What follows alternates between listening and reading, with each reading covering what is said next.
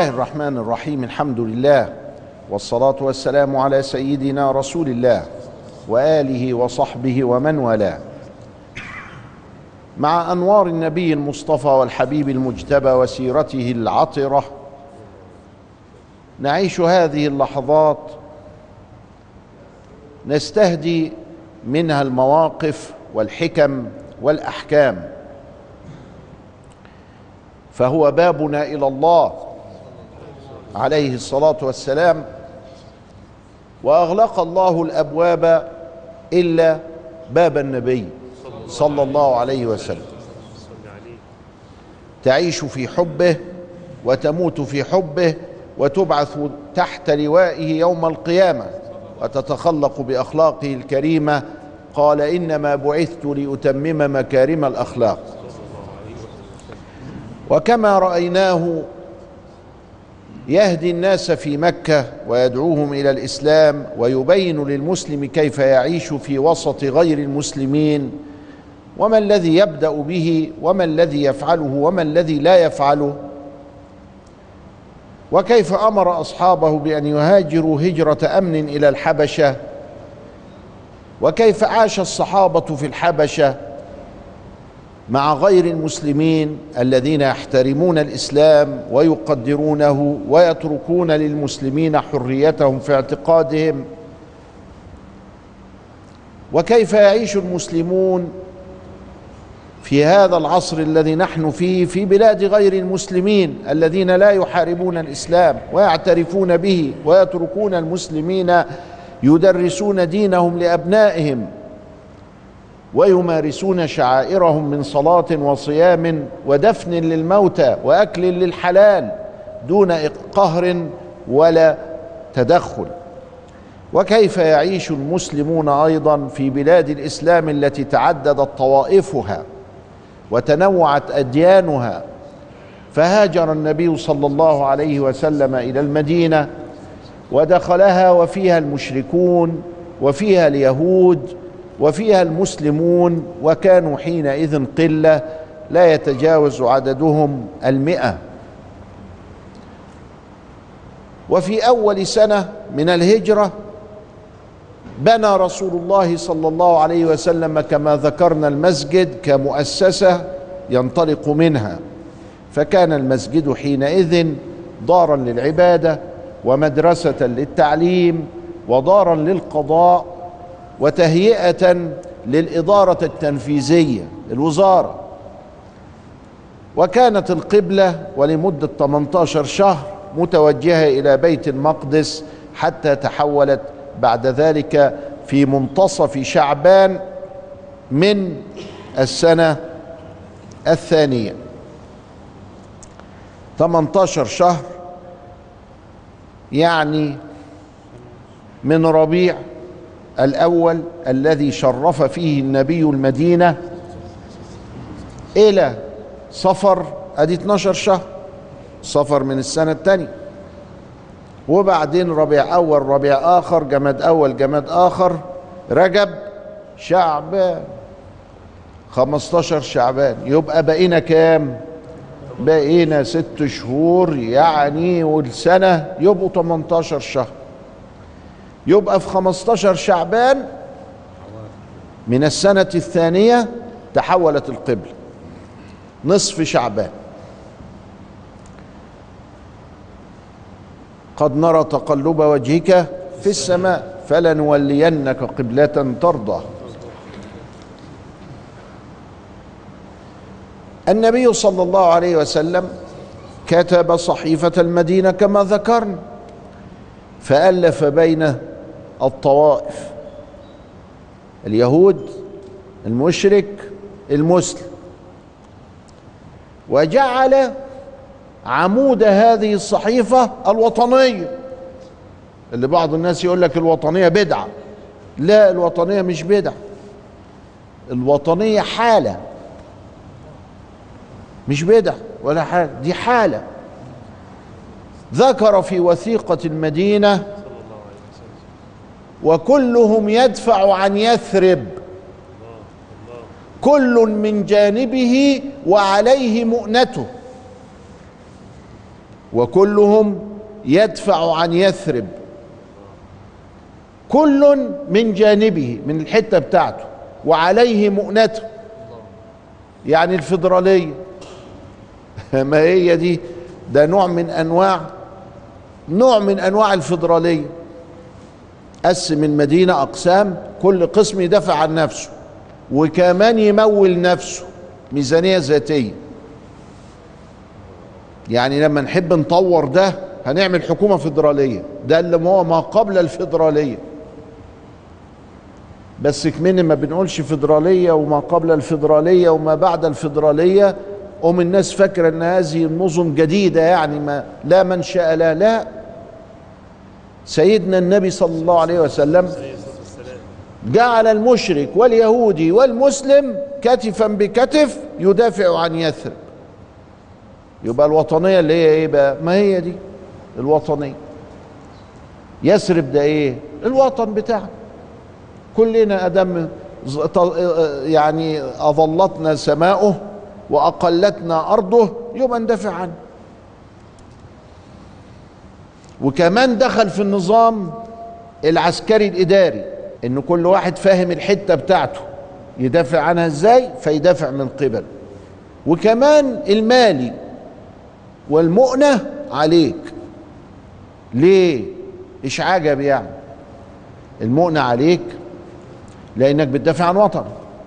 طب أنا كده صرفت كتير لأنه الهجوم جه من عليا وأنتوا ما صرفتوش. نحلها بعدين. مصلحة الوطن أهم وأعلى من الحساب دلوقتي.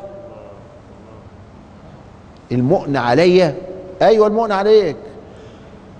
ليه؟ قدر. قدرك كده. فالوطنية مقدمة على مصالحك الشخصية. معنى الكلام كده. الكلام معناه كده. يبقى الناس اللي بتقدم مصالحها على مصالح الوطن ما ينفعوناش والناس اللي بتقدم مصالح الوطن على مصالحها الشخصية هم دول اللي ينفعونا في أي نظام كان. ليه؟ لأن سيدنا عمل كده. أول ما دخل المدينة جمع الناس. مين الناس دول؟ مش المسلم بس. المسلم وغير المسلم. فعمل المسجد وعمل الصحيفة وآخى بين المهاجرين والأنصار. في طرف رابع خفي اللي هم الغرباء دخلوا فآخى بين المهاجرين والأنصار. وبعدين مكة مش سكت اللي هو بنسميه دلوقتي في أدبياتنا الخطر الخارجي. المصالح بتاع مكة متهددة. الناس دول راحوا وبقت لهم مدينة وبقت لهم بؤرة ينطلقون منها وبقت لهم دولة. دي عملية خطيرة جدا. ده هيسيبونا وفجأة هيجونا. أبو جهل بيفكر كده. أمية بن خلف وكل واحد على قد عقله بقى. مصالحنا مهددة. فأرسلوا رسالتين. الجماعة المشركين بتوع مكة أرسلوا إلى المدينة رسالتين. إحنا دلوقتي سيدنا دخل في ربيع. صلى الله عليه وسلم ربيع تاني يعني ما فيش شهر 15 يوم أرسلوا. الرساله الأولى لعبد الله بن أبي. عبد الله بن أبي كان سيتوج كما ذكرنا قبل ذلك ملكا على الأوس والخزرج ملكا على المدينة وكان عامل اتصالاته مع اليهود ومظبط نفسه. حاقد على النبي لأنه جاء فأخذ منه السلطان. والنبي لا يريد أن يأخذ منه السلطان أصلا إنما هي طبائع الأمور وجريان القدر. عبد الله ما زال إلى الآن مش إلى الآن مشركا. عبد الله بن أبي أسلم بعد كده لف ودوران على سبيل النفاق. لكن دلوقتي إحنا بنتكلم في ربيع الآخر بعد شهر من ورود سيدنا. يعني إيه؟ ما زال مشركا. إلا أن الصحيفة تمت والمؤاخاة تمت والمسجد تم. والرسالتين اتبعتوا من من المشركين بتوع مكة. قالوا له أنت سيد قومك وزعيم أهلك وقد آويت الصباه الصباه يعني الذين صبأوا عن ديننا والشرك اللي كنا فيه ودخلوا دين تاني. محمد جايبه اسمه الإسلام. ف آويت الصباه ولما آويت الصباه بالشكل ده إحنا مش عاجبنا. فأخرجهم وقاتلهم وإلا جئناكم فقاتلناكم واستأصلناكم. هنبيتكم. مكة أقوى. والناس دي متينة. فماذا كان من حال عبد الله؟ نيجي بعد الفاصل نكمل هذه القصة.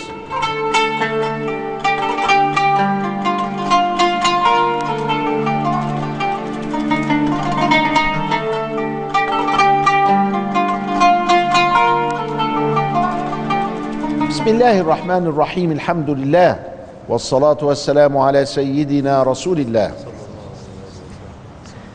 جاء كتاب المشركين إلى عبد الله بن أبي. فجمع أصحابه ونظمهم لقتال محمد وصحبه.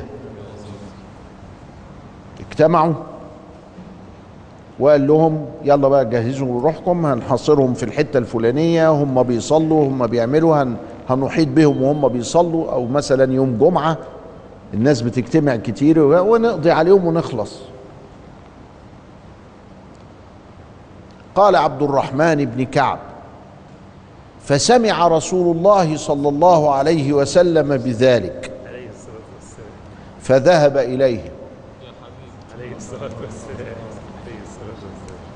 مش يعني جهز العدة علشان يقاتلهم ويستأصلهم هم ويبقى الدم للركب. وذهب إليه. وقال له اجتمع معهم كده عبد الله بن أبي ومين؟ أصحابه. لسه مشركين. وقال لهم غركم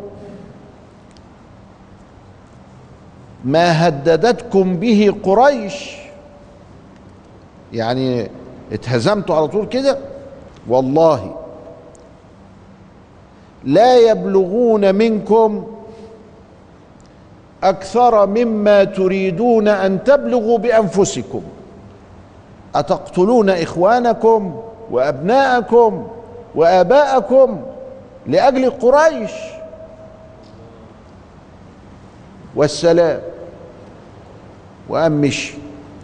عليه عبد الله بن أبي ده سياسي عظيم. يعني رجل آه، كان هيبقى ملك فاهم البتاع. فبص في عيون اللي معاه كده لقاهم إنهم إيه اقتنعوا. يعني يفهمها وهي طاير. ذكي يعني. وكل واحد مشي قال له طب أنا أقابلك بكرة بقى يا عبد الله. بدل ما نحن رايحين نقتل الم- المسلمين نقابلك بكرة يا عبد الله. قال فأحجم عبد الله بن أبي عن القتال لأجل ما رأى من أصحابه. ودي ناخد منها إيه؟ المبادرة. في بعض الحكام للأسف يسيبوا الدنيا تضرب تقلب يقول لك المشكلة تحلها نفسها. ويفضل ساكت ساكت ساكت فالمشكلة تتفاقم وما تحلهاش نفسها. في حين إن سيدنا على طول أول ما سمع بيحضروا راح لهم. تاخد منها إيه؟ إنك تخاطب الناس على قدر عقولها. وانت رايح تكلم الشخص المدخل بتاعه إيه؟ المدخل بتاعه إيه؟ كل واحد ليه مدخل. يبقى لازم تفهم المدخل بتاعه. دول جماعة من المشركين وهيضربونا وبينهم وبين مكة مصالح. يبقى تدخل لهم من العصبية القبلية. هتضرب أبوك وأمك هتضرب أخوك وأختك. آه لا دي كبيرة عنده ده عار. يفضل عارف. آه ده كده عرف يكلمهم عرف العقلية بتاعته يبقى برضو النبي بيعلمك إنك لما تيجي تخاطب ناس ما تخاطبهمش شحط كده تخاطبهم من المدخل الصحيح اللي يصل إلى قلبه ولذلك كان الناس بتزيد لأنه على طول يراعي قلب اللي قدامه ويدخل منه لا يعجزه ولا يمنعه. إنك أنت مش زيي. هو لازم كل الناس تبقى زيية. ومشربي ومدخلي. لا كل واحد ليه مدخل وكل واحد ليه مشرب. أدخل لك منين؟ المشرب بتاعه لازم نفهم إن سيدنا صلى الله عليه وسلم بيعلمنا الحكمة. بيعلمنا إزاي نخاطب. يبقى أول حاجة لا تحقرن صغيرة إن الجبال من الحصى. ما تقولش دي حاجة بسيطة هم يعرفوا يعملوا حاجة. يا عمي لا. نمرة اتنين بادر على طول بحل المشكلة. روح له تفاهم معاه.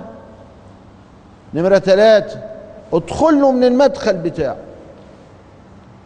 كل واحد ليه مدخل يبقى لازم تتعلم مشارب البشر ومداخلهم حتى تصل إلى قلوبهم. قاموا إيه؟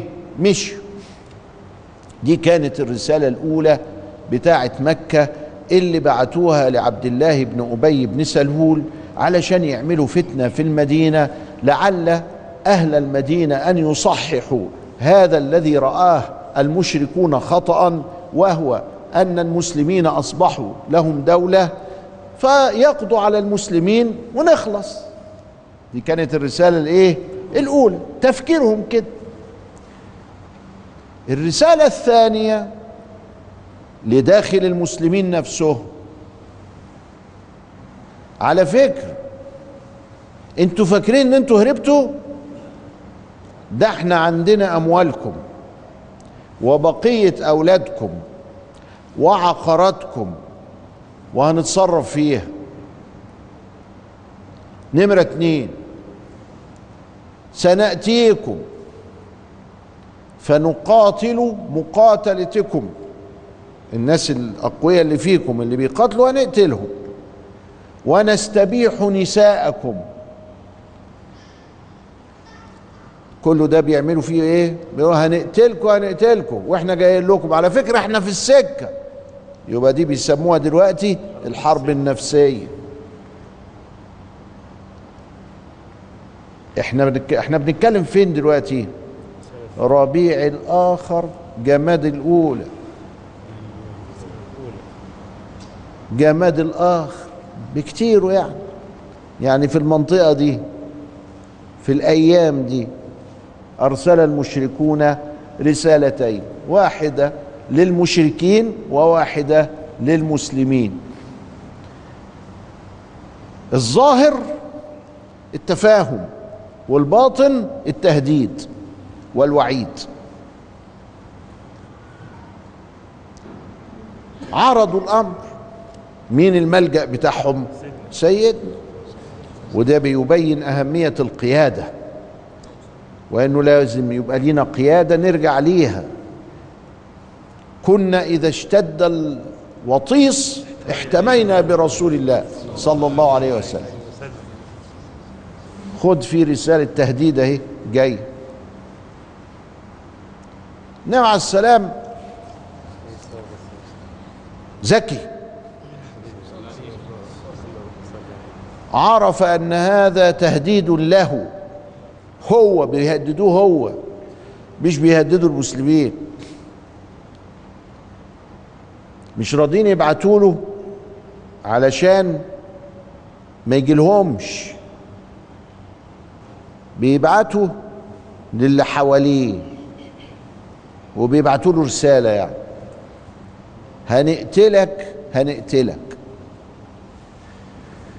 والله غالب على أمره ولكن أكثر الناس لا يعلمون. فسيدنا صلى الله عليه وسلم عرف أنه مهدد بالقتل. يبقى نعمل إيه؟ نتخذ الأسباب. وما الأسباب؟ الحراسه ليلا. فجالس كده مش عايز يكلف حد الناس مرهقة وتعبانة. فقال اللهم اشرح صدر أحد من المسلمين أو رجل من المسلمين يبيت عندنا فيحرسنا لأن هو نفسه ما نامش. فاتح عينيه مستني اللي هيجي يقتله ده. عليه الصلاة والسلام. فلما قال كده يبدو إن الخبر إيه اتنطور وشويه كده. فوهو في حجرته بجوار المسجد سمع خشخشة سلاح. السلاح بقى زمان كان إيه كله حديد في حديد وسمع إيه جلب ده ممكن يكون هو ده اللي جاي يقتل. فخرج خد السيف معاه ولما نشوف فوجد سعد بن أبي وقاص. قال ما أخرجك يا سعد؟ قال وقع في قلبي خوف عليك يا رسول الله. فجئت أبيت عندك أحرسك. فدعا له صلى الله عليه وسلم. وكان سعد بن أبي وقاص كان ممن جمع رسول الله بين أبيه وأمه لفدائه. قال أرمي فديتك بأبي وأمي. ما ما عملش ابدا مع حد إلا سعد كده. وبات سعد يحرس رسول الله فنام رسول الله صلى الله عليه وسلم. اذا الفداء العمل اتخاذ الأسباب. وإلى لقاء آخر أستودعكم الله والسلام عليكم ورحمة الله وبركاته.